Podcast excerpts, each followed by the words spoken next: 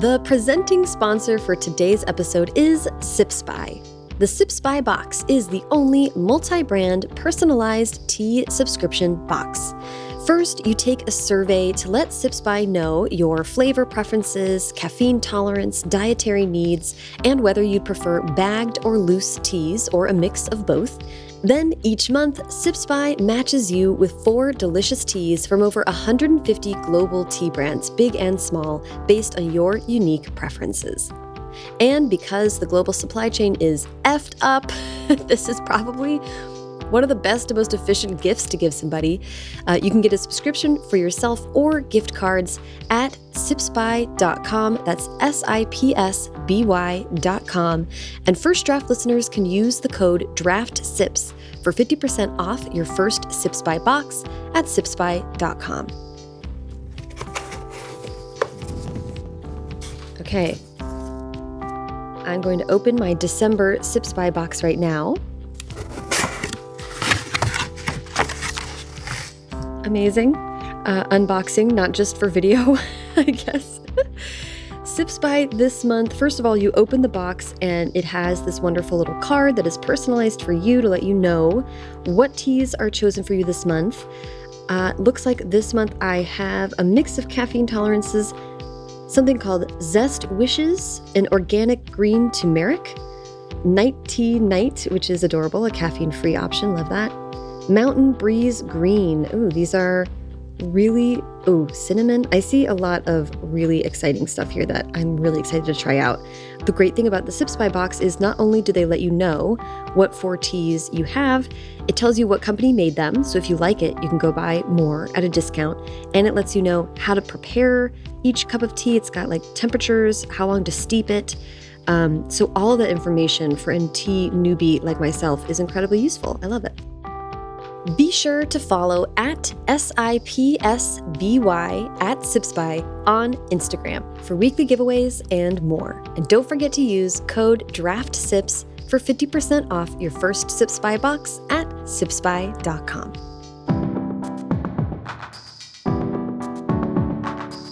Welcome to First Draft with me, Sarah Enni.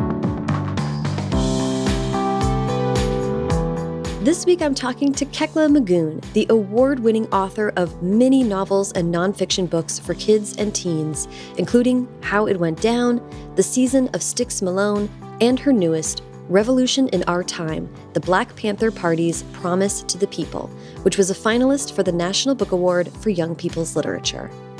I was so honored to speak with Kekla, and I really loved what she had to say about writing as a way of coping with stress and change on setting out to inform the next generation of activists and the ways that reading and writing historical fiction allow us to confront things that are very real and present, but from a safer feeling space. It's a really great conversation. If you enjoy First Draft, there are a lot of ways you can help support the show.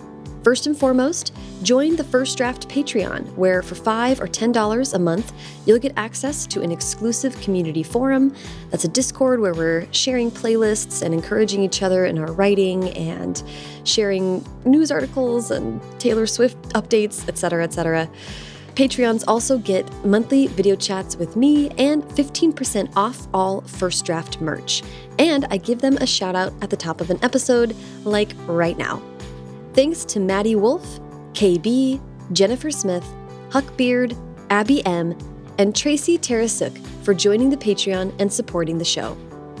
If you would just like to donate directly to the show on a one-time or recurring basis, you can do that at paypal.me slash firstdraftpod or donate via Venmo. The show is on there at firstdraftpod. The show notes for this and every episode are packed with links to everything the guest and I talk about, and that's a sneaky great way to support the show. Because First Draft is an affiliate of bookshop.org, so whenever you buy a book through a link on firstdraftpod.com, part of your purchase goes to support the podcast and part of it goes to support independent bookstores, all at no additional cost to you. And while you're on the website, check out the shop to see all the First Draft merch. Every purchase directly benefits the show. There's a lot of free ways you can help out too, like subscribe to the podcast on whatever app you're using to listen to it now, and leave a rating and review on Apple Podcasts. It just takes an extra minute to leave a review, and I get to read those at the end of the show, so please go ahead and do that. And sign up for the First Draft newsletter to be sure you never miss an episode and to hear about news and upcoming events. Okay, now, please sit back, relax, and enjoy my conversation with Kekla Magoon. So, hi, Kekla, how are you doing this morning? Hi, I'm doing well, thanks. How are you doing? Good. I am doing so well. I'm so excited to chat with you today. I can't wait to talk about revolution in our time and how this beautiful like book and object came together. But I am going to go way back. I love to hear um, a lot more about the personal bio of people that I chat with. So I'd love to start with where were you born and raised? Uh, well, I was born in Michigan. I grew up in Indiana uh, with a brief stopover in West Africa, Cameroon, which is where my dad is from. And then I moved to New York, and now I live in Vermont. So I want to ask first about um, reading and writing as a young kid and how that was a part of growing up for you.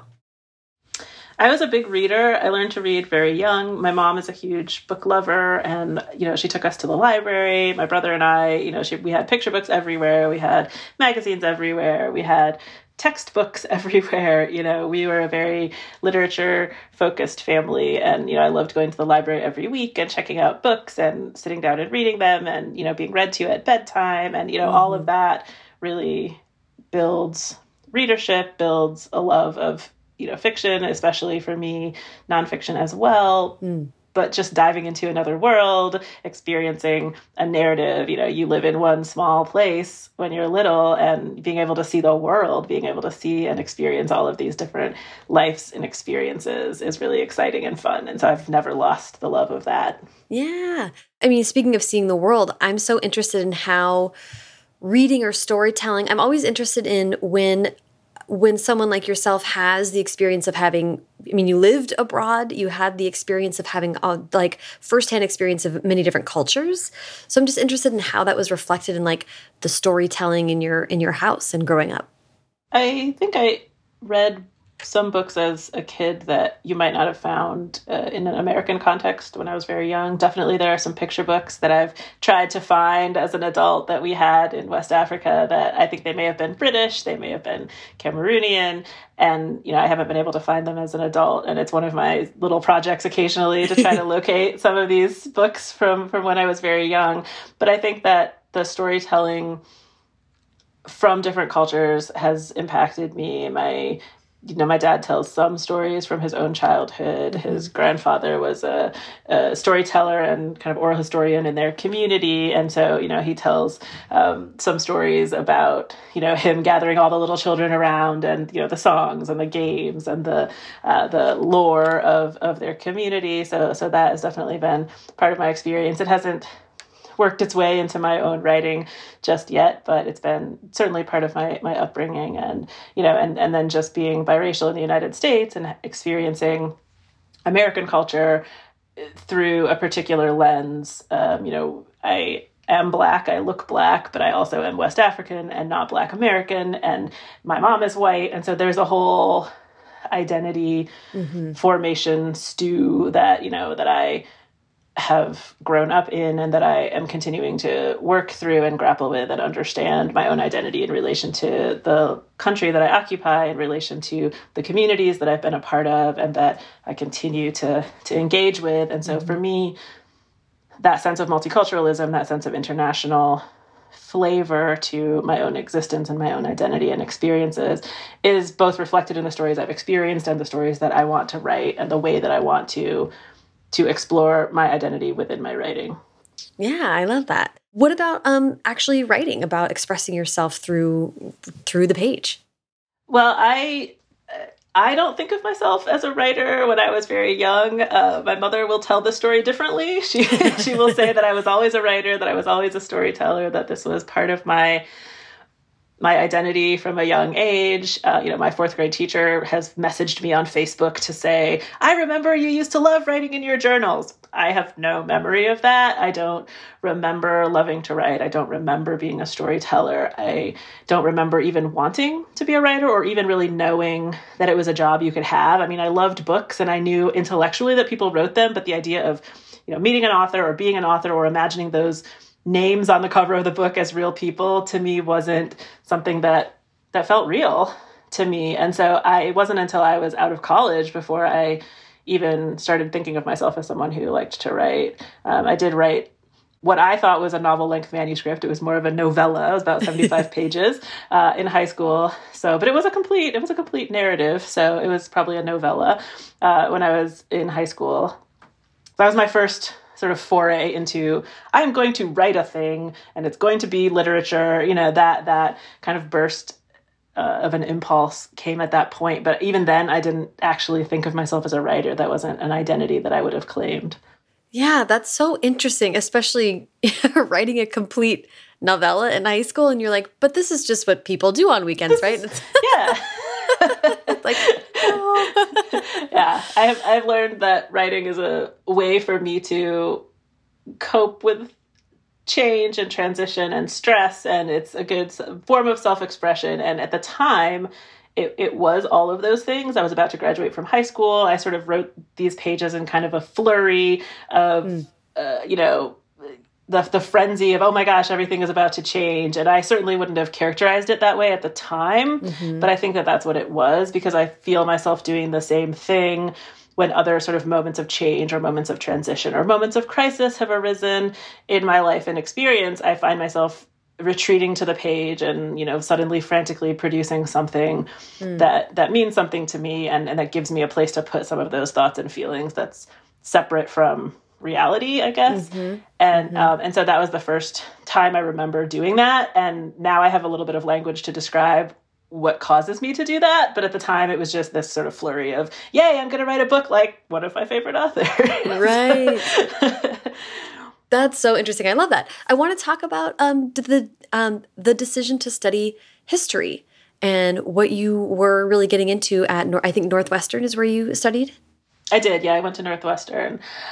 I had entered college pre med thinking that I was going to oh. be a oh. doctor, and I quickly realized that I didn't enjoy any of the classes that lead up to being a doctor. I, I, don't know that I would have completely hated being a doctor, but someone pointed out to me early in my college career i think maybe i was a freshman i was doing some volunteer work and you know said oh you must love studying you know chemistry and and sciences and i liked biology but uh, chemistry and physics like all of that was just I, it was a lot of math and while i can be good at math it's just not something that i particularly enjoy and i was like no i don't really enjoy any of what I'm doing. Uh, and, and she said, "Wow, that's a that's a that's a lot of school to go through for like an end game, like to not enjoy any of it up until you know, because I had the, the vision of myself as a doctor, right? right? I didn't have the vision of myself as a medical student. I had right, right. I was right. I was working at a hospital. I was treating patients. You know, all kinds of things. I wanted to be a pediatrician. You know, there was always that vision of of working with young oh, people, yeah. but but I, I, I sort of sat back at that moment. I was like, oh, so basically, I'm going to spend the next ten to fifteen years of my life learning to be a thing, but not enjoying the process of learning to be that thing, in the hopes that I will enjoy the end game. And that really kind of shook things up for me because I thought, you know, I actually do want to enjoy what I'm studying. I want to enjoy my life, you know, we never know how much time we have, right? Like I don't want to be spending all my time pursuing something that feels really far off. Mm-hmm. I want to do something that that means something to me now. And also, you know, you could be a history major and be a doctor, right? There are all kinds of paths to to to what I wanted to to do, um, or what I still thought I wanted to do. And I was drawn to history because those were the most interesting classes in college. We have a really strong history department at Northwestern, and the thing is what makes the history department strong is that the professors understand the material and they can tell stories about it. So history came alive for me in the form of story. If you had asked me before I went to college, you know, what I thought of history, I would have said, oh, history is boring. I don't like history. Meanwhile, I had read everything Ann Rinaldi had ever written, right? historical young adult novels and middle grade novels. And I loved historical fiction. I would not have put those two things together. And so when I was loving every history class I was ever taking, I was really kind of surprised that I was drawn to it. And um, it, it took me a long time to realize, oh, like history, the second syllable, the second part of that word is a story. that had always been missing from the mm. textbooks that I experienced and the way that I was taught history when I was young. And so I thought of it as dates and names and places and sort of a very clinical pop quizzes version, yeah, of, of, of the facts of what had occurred in our past, as opposed to this narrative about how people had gotten through hard times, this narrative of the struggles of a nation or the struggles of a, people or the struggles of an individual, right? Uh, reading a biography mm-hmm. or something. And so I ended up feeling really excited about it, and that's how I ended up majoring in history, and it remains one of my strong interests. And particularly, I'm interested in bringing to life stories from history that are less often told, because that's what ultimately caught my attention as a student of history. Yeah. I'd love to to have you lead me from uh, I think you mo moving to New York, what you were doing in kind of your young adulthood, to then rediscovering or or discovering really owning yourself as a creative writer? Uh, so when I graduated from college, I moved to New York, and I was working as a nonprofit. I was doing nonprofit youth development work for a while. I worked with the Girl Scout Council of Greater New York, and uh, I did grant writing and fundraising for a number of organizations. I ultimately was working for an organization called the Brotherhood Sister Sol in Harlem, which is a youth service organization, really, really dynamic grassroots organization. They've grown quite a lot uh, in the time. Well, they grew while I was their development director, but then they grew even more after that. And so it's really amazing to see the work that they're doing. But in that capacity, as a grant writer, I was definitely in touch with the part of myself that wants to tell stories, the part of mm. myself mm. that wants to, you know, move people with language, right? That's a, a thing that grant writers do for a particular purpose. But mm-hmm. I was mm-hmm. also writing stories in my free time, and I got a Master of Fine Arts in Writing from Vermont College of Fine Arts while I was doing all this grant writing as my day job. And I just kept being drawn to storytelling, and I kept being drawn to writing, and I wanted to spend more and more time with my characters. I wanted to spend more and more time creating in that way. And well, wait, I want to get to the even the spark of inspiration to go seek out the creative writing program. Okay. I'd love to just hear like what because just going from studying history and, and loving stories, but maybe not necessarily thinking of yourself as a writer. What made you kind of really lean into it and start expressing yourself that way? All right, so you want the real story? yes, please. Okay, so uh, so I moved. So I graduated from college in 2001, and I moved to New York in September of 2001. Uh-huh. I moved into my apartment on September 9th, 2001. And so I was brand new to New York. What part City. of town were you? I was on the Upper East Side. Okay. I moved in you know, right before. And I was looking for a job because it was hard to find a job in New York from Indiana. So I had come to New York and, you know, and I was very fortunate. My parents, like, you know, helped me get find an apartment and and move in and everything. And like my mom had just left me in New York and gone home to Indiana. And I was there and I was like about to go out, you know, and pound the pavement uh, to find my job and to get myself situated. Um, and then, of course, September 11th, 2001 happened. And that was a real, um, I mean, I hesitate to use the phrase trial by fire, but that's kind of how it felt, right? right. In, um, in, in that moment, I didn't know anyone in the city. This really scary thing had happened. It was a really difficult time to be in New York if you had been a New Yorker all of that time, you had one kind of experience. But as someone mm. new to the city, I had a different kind of experience of that was all unfamiliar. I was trying to understand. I was scared to leave my apartment at mm-hmm. times. I was I had wanted to take the big city by storm, right? I had wanted to to to feel like a part of something and instead I felt very isolated because it was a moment of grief, it was a moment of trauma, it was really um, just everything felt very heightened and very dramatic and um, in that moment. And so i spent more time than i probably otherwise would have just kind of holed up in my apartment mm. trying to make sense of what was happening around me and watching the city kind of gain a little bit of equilibrium in the wake of this really horrific moment. Mm-hmm. and so again right this is a moment of stress. This is a moment of transition. This is a moment of crisis in a, on a number of levels. And the thing I seek solace in is writing. And so for me, it was a comfort to open up the laptop and start telling a story. And at the time, I was working on a historical middle grade. I thought it was a short story, but it was it ended up being essentially the outline of a middle grade novel. I wrote a couple of picture books. I wrote probably some essays and kind of you know reflection type of things but mostly i was writing fiction and mostly i was exploring that kind of storytelling. And so I, I, did find a job with the Girl Scout Council and I traveled all around the city through that job, working with Girl Scouts and training Girl Scout leaders. And so I got to know the city really well through my job. But every single day, I would go to my job, do my job, and then I would like rush home so that I could work on my stories. And that dynamic was really striking after a while. I thought, you know, I'm here I am in the big city and what do I want to do? I want to rush home and work on these stories. And so the more that I did that, the more I felt like this is something I should be doing. This is mm-hmm. something I want to be part of my life. What can I do to make this more a part of my life? And so I had talked to a friend of my parents who is a young adult author. I mean, she happens to be a young adult author, which I didn't even really know those distinctions at that time she read some of my work and said, Oh, you're writing for children and young adults. You should check out SCBWI, which is the Society for Children's Book Writers and Illustrators.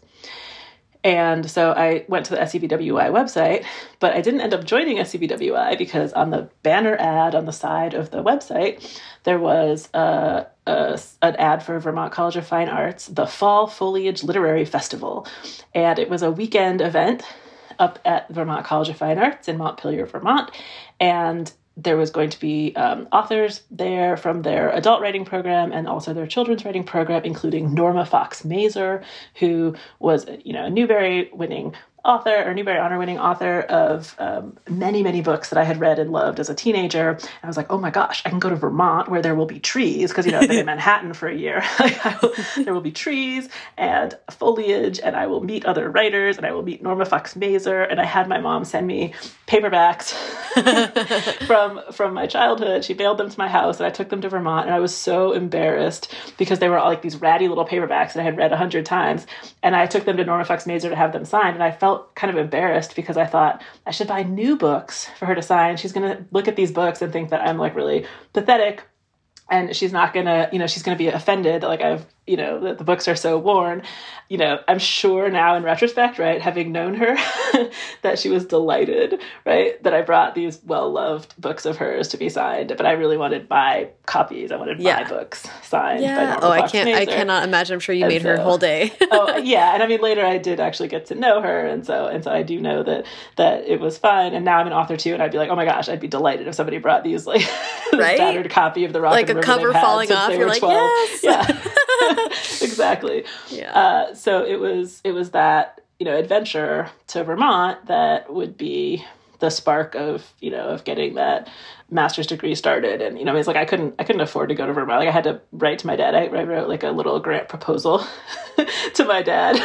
I like a little that. a little line item budget for like paper that I was going to use to print out my manuscript and like my flight and the, oh. cost of the oh. registry. I mean, you know, it was, I mean, it was probably like five hundred dollars, but that was too much. I couldn't have afforded that, you know. And um and and he thought it was very charming, and so I, I got like a I got like a a, for, a formal letter back from him, and like he like it, with the name of his like fake foundation, like right. And so because at the time I was studying to be a grant writer, and so I was like, this is me. He's he's my dad's a professor, so he's very interested in education and training and stuff. And so I was basically like, this is, you know, I wrote the whole formal grant proposal and I said, I'm studying to be a grant writer. You know, I'm taking these classes at the Foundation Center to learn how to write grants. And so this is me practicing grant writing. Here's my grant proposal. Will you fund my trip to Vermont? And of course he did because, you know, he cares about education. And also, I mean, I'm sure it was real cute. You know, when I think back on that, I'm like, oh my God, he must have been so charmed yeah. by that. But, you know, I, I, I wouldn't have been able to afford that trip. So, you know, I do appreciate the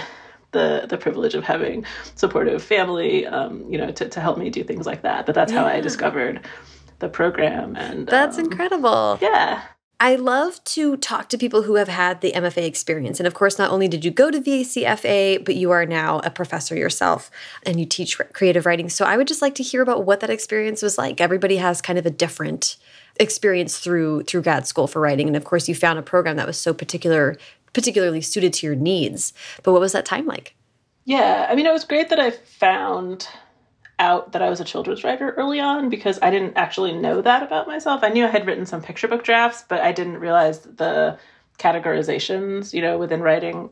And so it was I was grateful to this friend of my parents for helping me recognize that. And so the Vermont College of Fine Arts program in writing for children and young adults was the only program of its kind in the country at the time. It was the only place you could go to study children's literature part time as a writer. And there were a couple of other programs that were full time programs that I think mm-hmm. had young adult or children's literature as a specialty that you could have, but I wasn't able to go full time because I had mm-hmm. to continue my job. Mm-hmm. So I worked, I stayed in New York and I was working full time at grant writing and then doing the master's degree part time. And you go up to Vermont twice a year in January and July for residency. And that's the beginning of each semester. So you start the January, the spring semester in January, and you start the fall semester in July. And it's a two year program, so four semesters. And you come again at the end for a fifth residency where you give a graduating lecture and a reading. And, you know, everything that we were doing in the program, it was, it's a, it's a, one-on-one mentoring model so each student is assigned to a faculty advisor to work with during the semester and so they submit their pages of their own creative writing. They submit essays and um, annotations of their bibliography, so books that they would read, and participate in discussions. At residency, we have lectures and readings and workshops and all kinds of engaging educational programming, um, panels, right, seminars, all kinds of things that you can you can get uh, in that short term residency, really intensive time. And I just loved it. I loved everything about it. I loved the community. I loved the lessons in craft. I didn't know really anything about writing. I had never really studied it formally. So it was really fun to learn the language and fun to learn new techniques for how to use language and how to tell stories and to understand tropes and expectations and, you know, a little bit about the industry. We don't teach the industry too much. We're very focused on craft and writing. But it was it was really um, quite a defining experience for me because it it definitely opened up paths for me to grow as a writer sufficiently that I could publish and um, helped me make those connections in publishing and continues to be a really strong support network for me. Many of my closest friends have come out of the community, and you know, I returned to teach about 15 years after graduating. And, you know, it's been a real source of joy and inspiration and support and growth and education. I mean, I continue to learn from my students. I continue to learn by participating in the community. I think one of the the fun things about the low residency model is that all the faculty get to attend each other's lectures and get to experience mm-hmm. each other's workshop teaching and and seminars and such unlike a traditional college campus where i teach my own classes and then i go about my business and you don't get to see what other people are doing. We all are experiencing each other. So i feel like i have several master's degrees at this point because i've participated in the program for so long and i've learned so much from from everyone who participates. Yeah that's amazing. I want to talk about you know, we're here today to talk about Revolution in Our Time, which is your nonfiction for young adults about the history of the Black Panther Party. But it's also, I think, a big, your interest in the Black Panther Party and the civil rights movement was part of your writing while you were getting your master's or your first yes. book. Yeah, is that right? Can you talk about kind of the genesis of your interest in this as a subject and also what you were writing about at that time? I started writing about the Black Panther Party around 2002, 2003, and I, as I mentioned, was working as a grant writer in in New York, and I stumbled upon an article while I was trying to fundraise for a, a food program that served after school, you know, program kids. I stumbled on an article about the Black Panther Party's free breakfast program for school children. And now I grew up studying the civil rights movement as you know, I was a student of history, at least in terms of reading historical fiction. And, you know, I could have recited the I Have a Dream speech. I knew all about Rosa Parks, or I thought I did. And, you know, I, I felt like I was someone who understood the civil rights movement. I knew who I would have been if I'd lived in that place and time. Um, but I didn't know anything about the Black Panther Party. I had this one snapshot in my mind about them black men with guns in leather jackets and we don't talk about them. Bad scary kind of push it away with your hands. That that was my sole impression. So when i stumbled on this article the black panther party free breakfast for school children i was very confused. Black Panthers, free breakfast, school children, like these things didn't compute to me. So I clicked on the article, being of a curious nature and read about it. And I was just so surprised and so delighted to learn all the different kinds of programs that the Black Panther Party had. They did indeed have a free breakfast program for school children. They fed tens of thousands of kids around the country every week breakfast before they went to school, kids who might not have otherwise had a healthy breakfast. They opened health clinics. They were a political party. They ran candidates for office. They had a really, really broad approach to self defense. When the organization was founded, they were the Black Panther Party for Self Defense. And the reason that I have the snapshot image of black men with guns in my mind is because they chose to arm themselves against the white supremacist violence and the police brutality that was happening to black people in their communities. They never wanted to cause violence, they wanted to prevent it, they wanted to protect people from it. But that snapshot of black men with guns was taken by the media and demonized. Oh my gosh, black people are going to try to fight back. This is bad. This is scary. And so that impression has lingered for the last 50 years. And so that was the sole impression that I had. And so when I found out that there was this whole other story about the Black Panthers, they did union organizing, they did workers' rights and tenants' rights, they organized communities, they fed people. I mean, there was so much amazing work that was done. They founded health clinics, they pioneered sickle cell anemia testing, so they much work in healthcare advocacy. They built schools. I mean, it, it's really a powerful, powerful narrative of community organizing and a really broad look at what self defense means. They said, We're tired of waiting for the powers that be to come in and say, Okay, well, you don't, we're not going to have segregation anymore. Now you can be part of society. They said, You know what? This is where we live. It's a black community. We're going to take care of ourselves, and here's what it's going to look like. We're going to feed ourselves, we're going to clothe ourselves, we're going to house ourselves, we're going to, you know, provide legal aid for people. Like this is this is what we're going to do and above all, we're going to educate ourselves about systemic racism. We're going to understand why we are the way that we are, why this country is the way that it is, and to understand that it's not entirely any individual's fault that the circumstances that they live in, that there is a bigger picture in play. And that was really, really radical and really, really threatening to the status quo. So, all of that is to say, I didn't know any of that about the Black Panther Party back in 2002, 2003. And I was floored and I was more than a little bit angry mm. that this history had been kept from me, that I could grow up as a young Black American, get to be age 22 or 23, and not know who the Black Panther Party was and what they had done. And so I started exploring that history in the form of fiction. So, my very mm. first novel, which was also my creative thesis at Vermont College of Fine Arts, was called The Rock and the River, and it is a novel about a young boy, 1968 Chicago, whose father is a civil rights activist, and then his older brother joins the Black Panther Party. You know, for me, this was a way of exploring a whole new question that had come up in my mind, which was wait, I always thought I knew who I would be if I had been alive in 1968. I would have marched with Dr. King. I would have been right there on the front lines, linked arms, saying, We shall overcome with the best of them. Like that would have been me. But the more I learned about the Black Panther Party, the more I thought, well, I could have fed kids breakfast. I could have been part of a school. I could have volunteered at a health clinic. I was already doing that kind of work as a teenager, public health.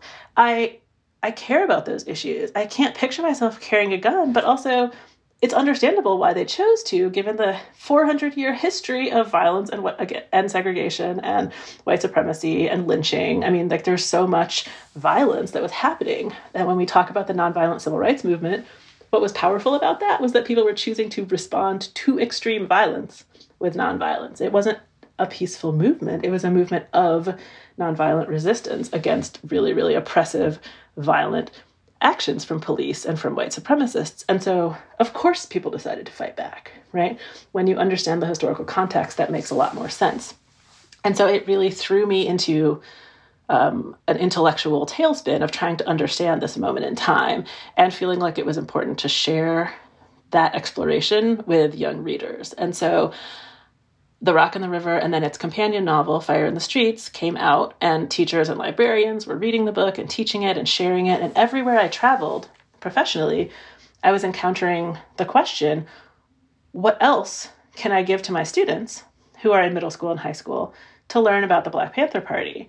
And at the time, there really wasn't a good answer. So I started working on these books in 2002, 2003 the Rock and the River was published in 2009, Fire in the Streets was published in 2012. And at that point, I started thinking seriously about augmenting these two novels with a nonfiction volume that would introduce the Black Panther Party's history and the context for the Black Panther Party's founding to young readers. And so I started the research for that book way back in 2010, 2011, and continued it all the way through that entire decade.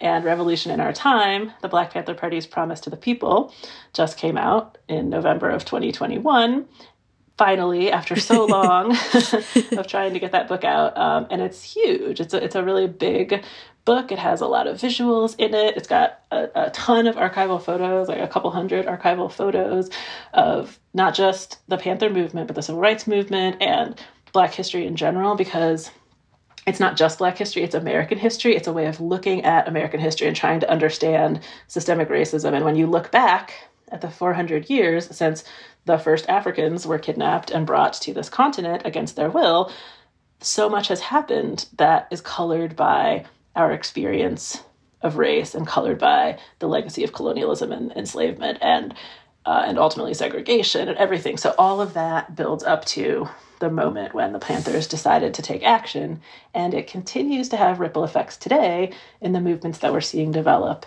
among young people, Black Lives Matter, and all the protests in the wake of many incidents of police brutality that have occurred in the last decade.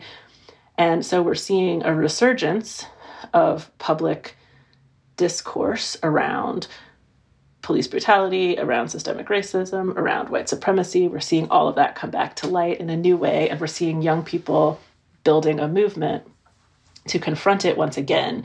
And I feel it's my charge, my responsibility, my calling, if you will, to do what I can to give young people who are leading a movement today a sense of the history, a sense that they're not inventing the wheel. They are inheriting a legacy of activism, they're inheriting a legacy of protest, that this moment that we're in has occurred many, many times that this type of protest, this type of trauma has been cyclical and we are continually responding to it. And I think that they're going to carve a whole new form of protest, but they need to understand what's come before. And so that's the the, the long way of talking about um, how this book came to be. Yay. Okay. I love that. Thank you so much for that's a wonderful kind of uh, contextualization of, of, the book.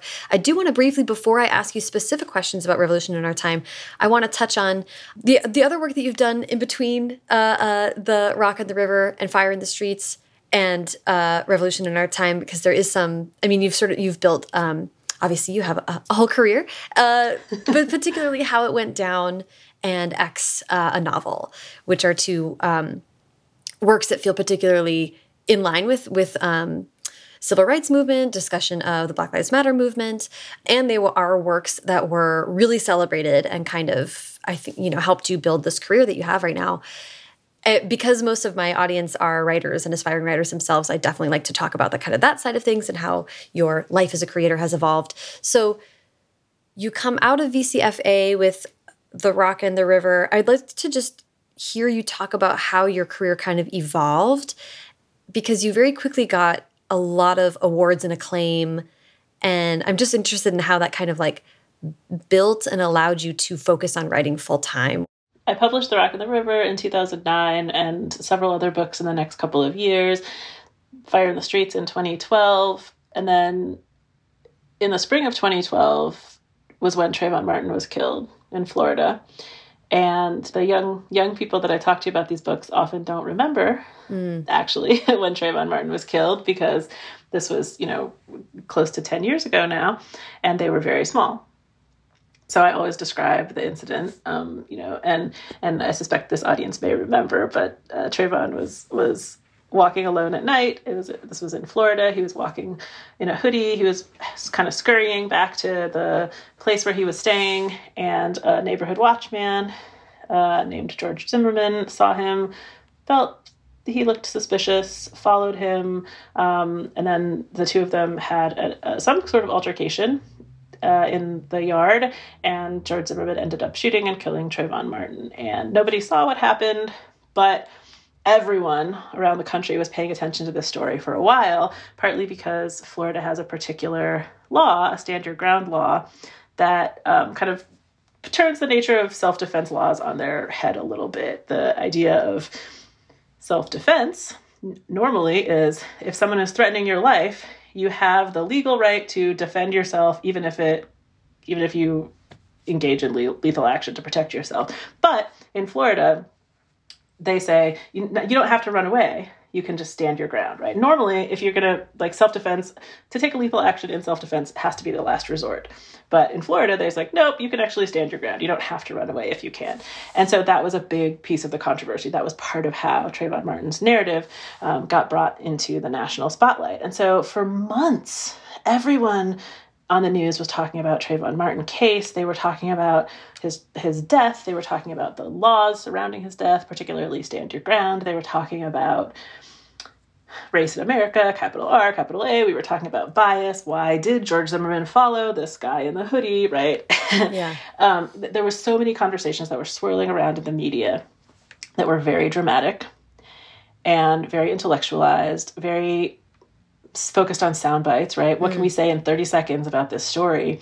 And I became really frustrated with the sort of truncated nature of the conversation.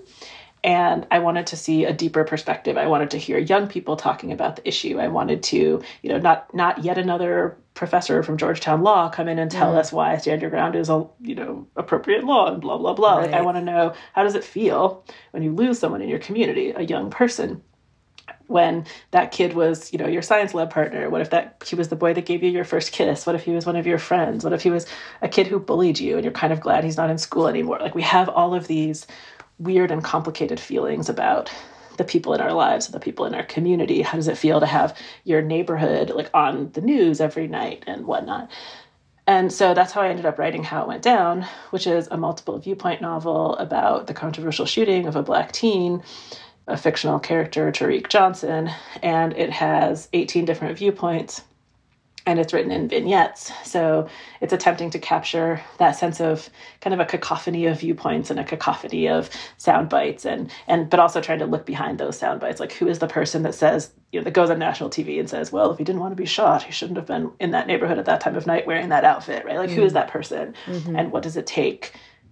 What do you have to have experienced in your life to have that opinion. And so, so trying to create characters around some of these brief sound bites that were being thrown out there. And so for me, that was a fun challenge as a writer. It was a fun task, um, really difficult also on, a, on an emotional level because of what was happening in the world, but also just difficult structurally to wrangle 18 viewpoints and you know into a coherent narrative I, I was able to write that book because of the previous books and the, the success of the previous books. They were nominated for a few awards and won a Coretta Scott King New Talent Award for The Rock at the River, a couple of NAACP Image Award recognitions.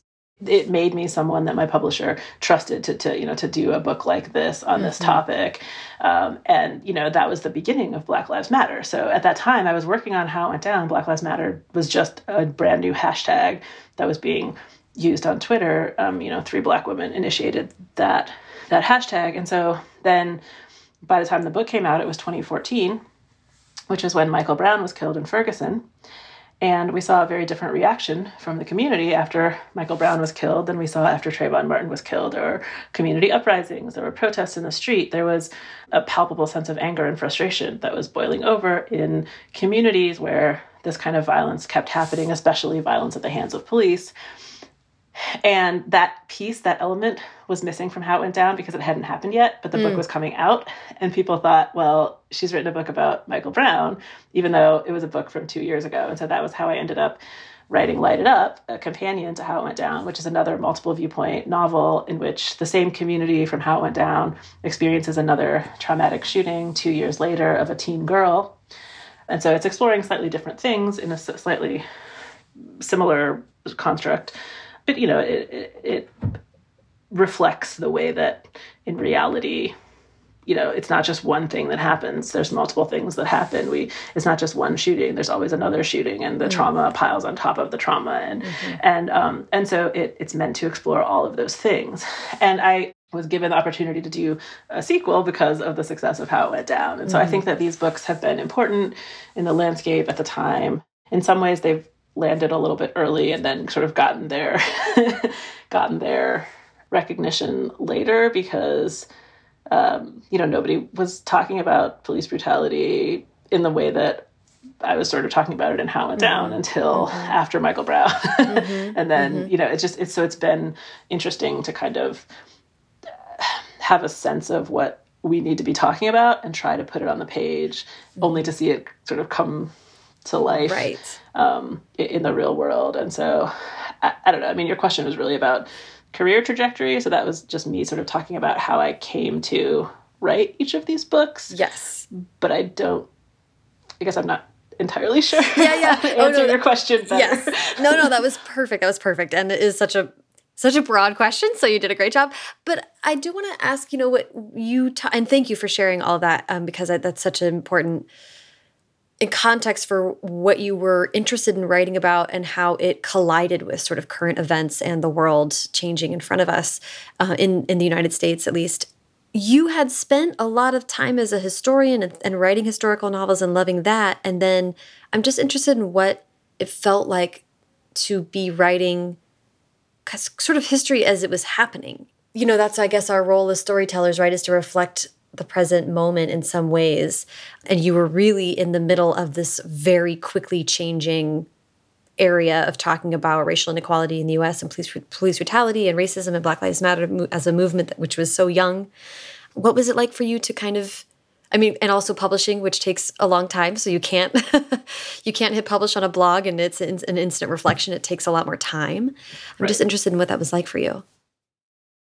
I have a couple of ways of answering that. I mm-hmm. think um, so. The the first thing that comes to mind is is the sense that when I'm writing historical fiction, I'm also writing about things we experience today. Mm-hmm. And you know, for me, one of the the joys of historical fiction as a reader is the way that you can kind of escape what's happening around you and kind of dive into this other world but at the same time it, it imbues you with a sense of imagining being someone who matters in an important moment mm. and so so i loved reading about the the civil rights movement And so a historical character doing something brave in the in the civil rights movement you know that spoke to me as a young reader and i think it's because i want to be someone in the real world who makes a difference mm. and it's hard to imagine what that looks like sometimes mm-hmm. and so i think that by looking at historical fiction, so something like The Rock and the River, where there's a character who's trying to decide, am I going to be a civil rights activist like my dad? Am I going to be a Black Panther like my brother? Like you're weighing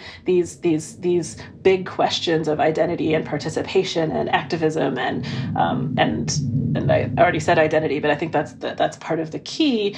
It, you're weighing those questions in this slightly removed way, mm-hmm. and you know, I face those questions every day. Am I going to go to the protest? Am I going to speak out on Twitter? Am I going to write a novel about it? Like, right? Uh, I still have to engage in those questions mm. as a contemporary person, mm-hmm. but but thinking about it in terms of history feels a little bit safer.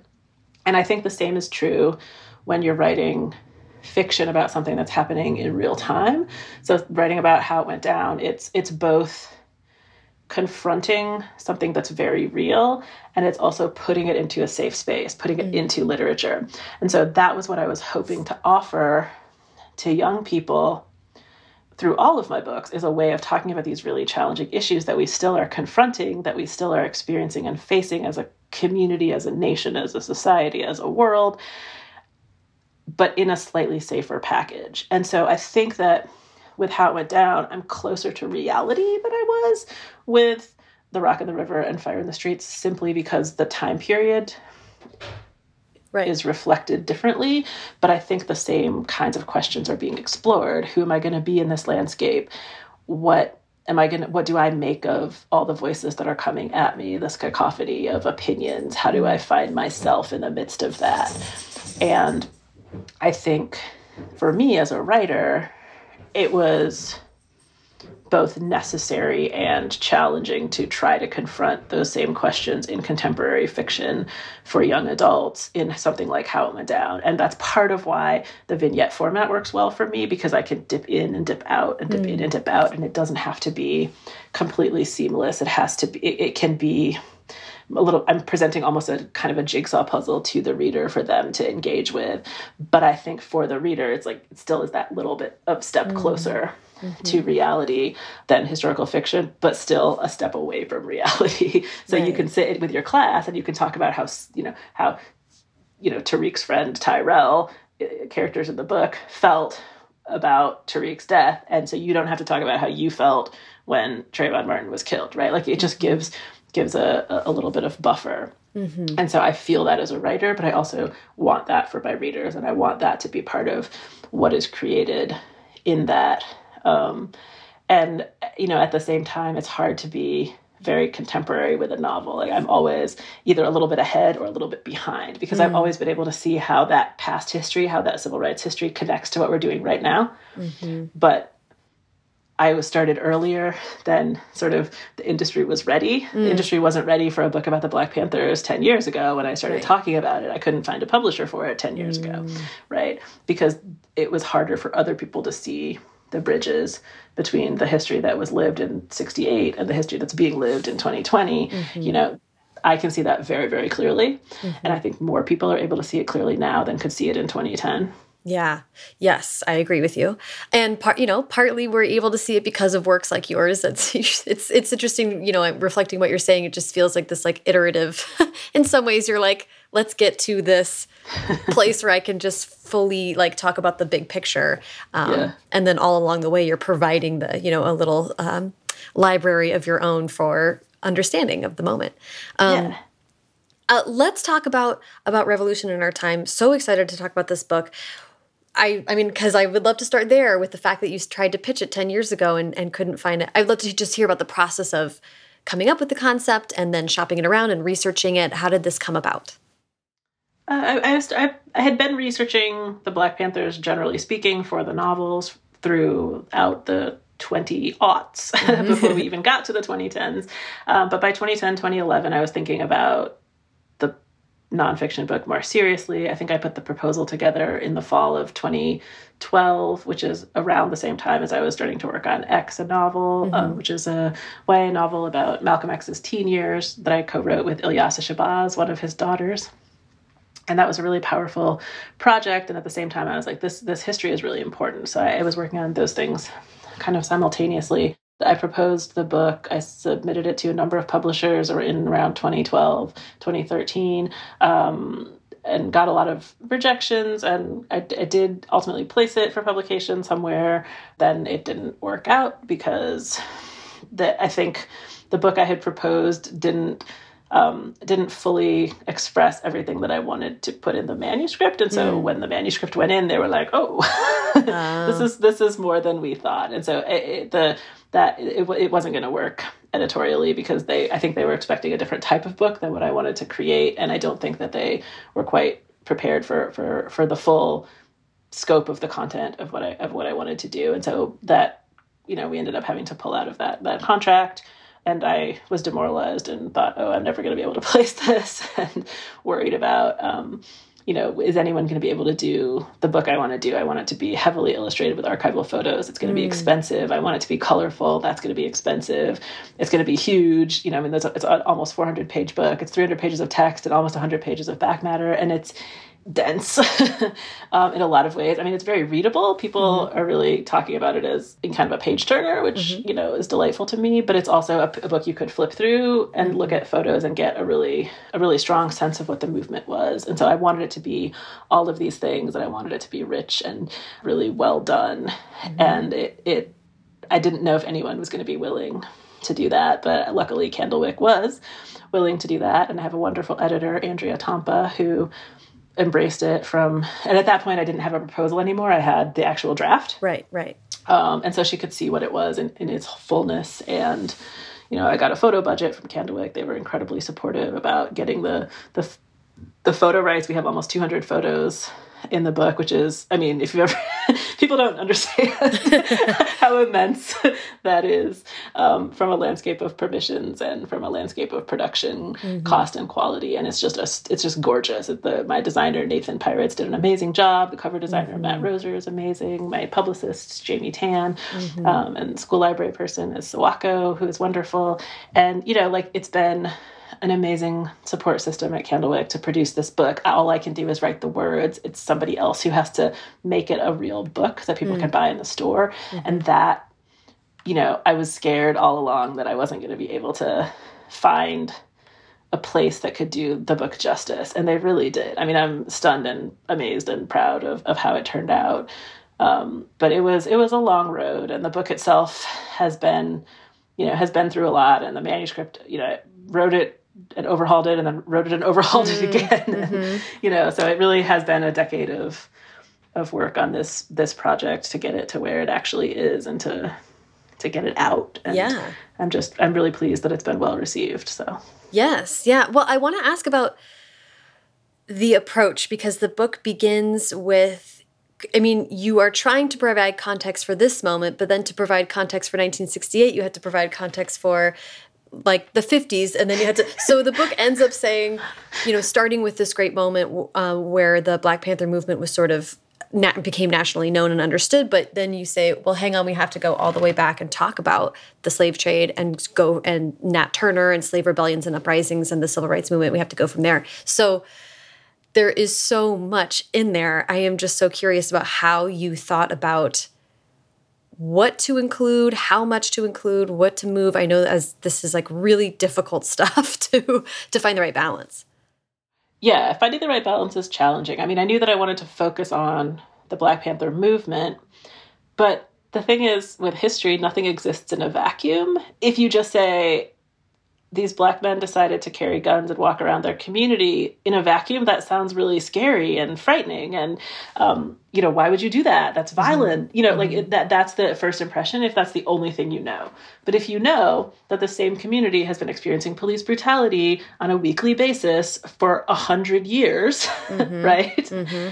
that starts to look different and so it's it, it's all about context it's why i you know, in every interview, my answers are long because it, it can't be a soundbite. My whole right. work is about saying it has to be more than a soundbite. It mm-hmm. can't just be, here's the one sentence that answers the question that you asked, because mm-hmm. the mm. question that you asked has all of these ripple effects and all of this backstory. Mm-hmm. And so, in order to understand why black men were walking around Oakland with guns in 1968, you have to understand that their ancestors were taken from their homes in Africa, put on ships, carried across the continent and they tried to fight back at every step of the way. They tried to fight back on the ships, they tried to fight back when they were enslaved, they tried to fight back in, during Reconstruction, they tried to fight back against lynching, right? Like there's always been a movement to push back against white supremacist violence. We just don't hear about it in our mm. history books because nobody wants when, when i say nobody i mean the powers that be nobody wants to recognize the power that black people have. Nobody wants to acknowledge the systemic nature of racism. They want to blame oh you don't have a job? Well you should have worked harder mm. right? That's the narrative that we mm-hmm. want. We the country we the powers that be want to perpetuate. And so in order to undo that narrative you have to really understand the underpinnings of everything. And so i tried to structure the book to look at the history of uprisings. I tried to structure it to look at the history of oppression, all the times that this country promised Black people equality and then reneged on that mm-hmm. promise. Uh, you know, every kind of back and forth. You know, um, in Stamped from the Beginning, Ibram X. Kendi's book, he says the whole premise of the book and the introduction. You can just read the introduction and learn a lot. He's, he says, you know, for every moment of racial progress in this country, there's been a, a, racist backlash. Mm. And so there's kind of a push pull yin yang of, okay, we make a little bit of progress. Oh, well, it gets taken away. Oh, we make a little bit of progress. Oh, it gets taken away. So I wanted to reflect that mm-hmm. pattern um, in the history and just essentially build the narrative in such a way that you can understand, any reader could understand by the time you get to chapter five in my book, you know, there, that there is an alternative to this nonviolent resistance, and it is that it's time to fight back because we've always been fighting back. We just don't mm-hmm. tell that part of the story, mm-hmm, mm-hmm. Um, and that it makes sense why people would want to fight back and why it was important and necessary to fight back. But that fighting back didn't have to look like a violent uprising. What it could mm-hmm. look like is people taking that anger and frustration and the desire to fight back and channeling it into organized community service work. And that's what the Panthers did. What they did was actually to capture and control the knee jerk re- reaction in favor of self defense that everyone was feeling, that Black people all around the country were feeling in that moment. Mm-hmm. So it's entirely about undoing that sense of soundbite. It has to be long, it has to be drawn out, it mm-hmm. has to get to what's real mm-hmm. and dig in because I think that our young people deserve a full understanding of history. They deserve the full truth. They deserve to have to grapple with the challenges and the nuances. And there's going to be plenty of people who always think the Panthers' choice to arm themselves was controversial. That's okay to think that, but it's also okay to think about think it and talk about it. It, it doesn't mean right. we have to not talk about it. Right. Right. And I mean, context is like um, it's like a pillar of my life. I'm also obsessed with context, so I really, I yeah. really appreciated. I appreciated how the book said about doing that, and I was just in my head like, like you know, boggling, like, oh my gosh, it must have been taken so much work to just try to really do this elegantly. And as you say, it is very readable, so I think it was really successful. But it was like, wow, this is a big job. yes. You really do focus on some of the main leaders of the Black Panther Party, some people, civil rights activists whose name may or may not be familiar to, to people, but it struck me as reading, you know, and then the evolution of the party and the different leaderships that hap- that went along, and and all the people that whose writing was important to us and stays with us. And I was reading it, going, there is a book in every single one of these paragraphs.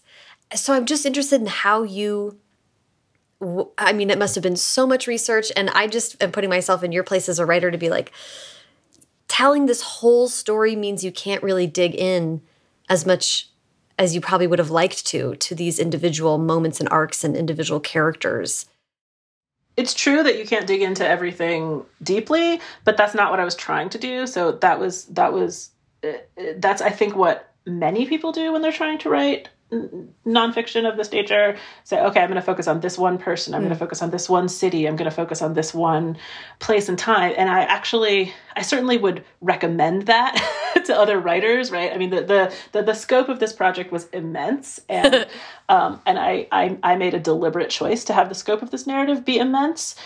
And if I ever do another nonfiction, the scope of it will not be this immense, but I think it had to be done. Somebody had to do it, and it had to be done once in this way and, and i so so i specifically was trying not to delve too deeply into any one leader's story arc and narrative and life and perspective because if that's what you want you could read that, that person's memoir there are many of those but what i wanted was to tell the essentially biography of the Black Panther Party as a whole, as an entity separate from the individuals that participated in it. And the reason for that is that I want to underscore how important it is that it was a community effort. When we tell history, we so often focus on the heroes, we focus on the most famous people or the fanciest people or the splashiest people, the ones with the best quotes, whatever it is. You know, there's a lot that's been mm-hmm. written about Huey P. Newton or Bobby Seale, who are the founders of the Black Panther Party, uh, or Elaine Brown, who you know was the chairwoman at one point or Ericka Huggins who you know led the school and, and, and was a political prisoner and a variety of other things chapter leader in new haven connecticut. You know there you can take an individual and tell the story of the party through that lens. But it continues to perpetuate the sense that in order to make a difference in this landscape, you have to be a hero, you have to be an exceptional individual. But the Panther Party was a lot of just regular black folk showing up and serving breakfast, showing up and volunteering at the health clinic, patrolling the community, you know, helping people advocate for for their rights, boycotting, you know, boycotting businesses that were exploiting the community. I mean, that took everybody in the community. And so it's it's it's a false narrative of history to say that only the heroes matter. The truth of history, especially civil rights history and social justice history, it's about communities standing up together, and that means everybody in the community has to participate. And so I wanted to tell a story about how when everyone in the community does their little part, even the very young people, even the very old people, even the people who feel like they don't have much to offer, which honestly is most of us, right? like I'm mm-hmm, not going to be, mm-hmm. you know, some special hero. I just all I do is write books, right? Mm-hmm. Um, it, that that's a thing to do. That's what I can do. I'm using mm-hmm. my power. Mm-hmm. And I want everybody to know that they can use their power to be part of the movement and that that's what it takes everybody doing their part. It's not just Dr. King making a speech, it's the 250,000 people who stood on the National Mall to hear the I Have a Dream speech, right? That's the power of that moment, not the words spoken by one hero, but the actions of thousands and thousands of people who did a small thing, which is to show up and be there and be part of it. Same with Rosa Parks. We tell her story like she's the hero, but the heroes were all the people of Montgomery who then didn't ride the bus in the Montgomery bus boycott for the next year plus that was a huge sacrifice and huge commitment that took thousands and thousands of people to participate. We're not going to know all their names. We're not going to write books about all of them, but that's who most of us are in the landscape of change. We're the little people who show up and do one little thing. And so I wanted to celebrate the power of that through this narrative um, and and to decenter the heroes to the extent possible. I mean, I have to talk about them because that's those are the stories, but I want people to know that it's also just a bunch of teenagers who showed up and fed people breakfast and that that's powerful. Right right. I love that. And you're you're reminding me of the kind of the, the messianic urge that we have as as human people to find one story and to kind of like just latch onto that. Um, you talk about that in the book a little bit about how then individual leaders were that's what the government at the highest levels used to ultimately unravel the party was to attack individuals who were so um, outspoken and powerful and influential. And you in the book talk about how the current Black Lives Matter movement is sort of purposefully staying away from that and doing a little bit more of this kind of that kind of work, the kind of work you're doing, which is to say it's the focus on the community and individuals doing whatever they can. Yeah, yeah, it's a lot more decentralized. It's a lot, um, you know, I mean, I think they would call it you know a feminist form of organizing a more collectivist form of organizing um you know mm-hmm. womanist maybe even right like just that it is, mm-hmm. it, it's not we're not holding somebody up and saying this is the person to follow this is the person to be we're saying yeah yeah you want to put a black lives matter flag on your your yard sure you're now part of the movement like that everybody mm-hmm. can do some small thing um, and that mm-hmm. that communities around the country can take this take up this banner and and and take action mm-hmm. because that's what it's going to take yeah I just want to ask uh, about the reception of this book and all of the wonderful attention that it's getting. It was a finalist for the National Book Award, and it's a big, exciting moment for this book. So I'd love to just hear about what what your year has been like out talking about this book and having that seeing that reception. I mean, I, I only feel like I'm just beginning to see the reception because while the it, it is a National Book Award finalist, the book also just came out. So you know, we're having this conversation, and the book's been out actually for about a week. And so it feels new to me. I haven't gotten a lot of reader reactions. I've i have the amazing honor you know of the national book award finalist sticker and i'm so, so excited about that. And it was a delightful experience to meet the other finalists in my category and to be able to do events with them and learn about their books and read their books and celebrate Malinda lo's wonderful you know, uh, last night at the Telegraph Club, which is just a beautiful book that that won the award. And you know, I've just had so much fun connecting with them and talking about them. And I'm really grateful to the committee for recognizing this book, specifically this book, because in this moment, I think it's really important to, to talk about a book like this. And there are lots of other books uh, about Black history and about, um, you know, just the contemporary context, even that are out now that I think are important to talk about. Um, like Brandy Colbert's Blackbirds of the Sky or Tracey Baptiste's African Icons uh, it's a moment where the recognition feels bigger than me as a writer and bigger than the book as an important text because we're in a moment where books are being challenged and you know books about black characters and books about black history are being pulled from schools and libraries and and to have the national book foundation stand up and say no actually this is really important. Is powerful. And so that that aspect of it has felt really good and important to me in addition to just the glow that i feel personally for for being able to, to to be recognized in that way which is such a i mean I, I, feel so lucky and and blessed and honored to to have been selected when i know that it's a landscape of many many many wonderful books that could have been honored. And so um, i feel really proud of that and um, and moved by it. Yeah yeah. Well, uh, congratulations. It was very well deserved. This book, as you've said, is a, is a beautiful object as well. It's absolutely stunning. Um, so please, everyone, go to the store and hold it. I mean, buy it, but also hold it, yeah. look at it, flip through it. The bibliography is beyond impressive. There's a whole like world of, of study and reading that you can do based on what uh, the resources that you list in the back of the book. So um, it was really a joy to read and really a joy to talk to you about it today. I so appreciate your time, Kekla. And I'm going to just work as on having you back on the show as quick as possible possible so I can keep asking you yeah. questions. hey, I could talk for another hour about it. Just Excellent. awesome. Well, thank you so much for all your time today. I appreciate it. Thank you so much. I appreciate it. Thank you so much to Kekla. Follow her on Twitter and Instagram at Kekla Magoon, and follow me on both at Sarah Enni and the show at First Draft Pod. First Draft is produced by me, Sarah Enni. Today's episode was produced and sound designed by Callie Wright. The theme music is by Dan Bailey, and the logo was designed by Colin Keith. Thanks to social media director Jennifer Nkosi and transcriptionist at large Julie Anderson. And as ever, thanks to you, Next Generation activists, for listening.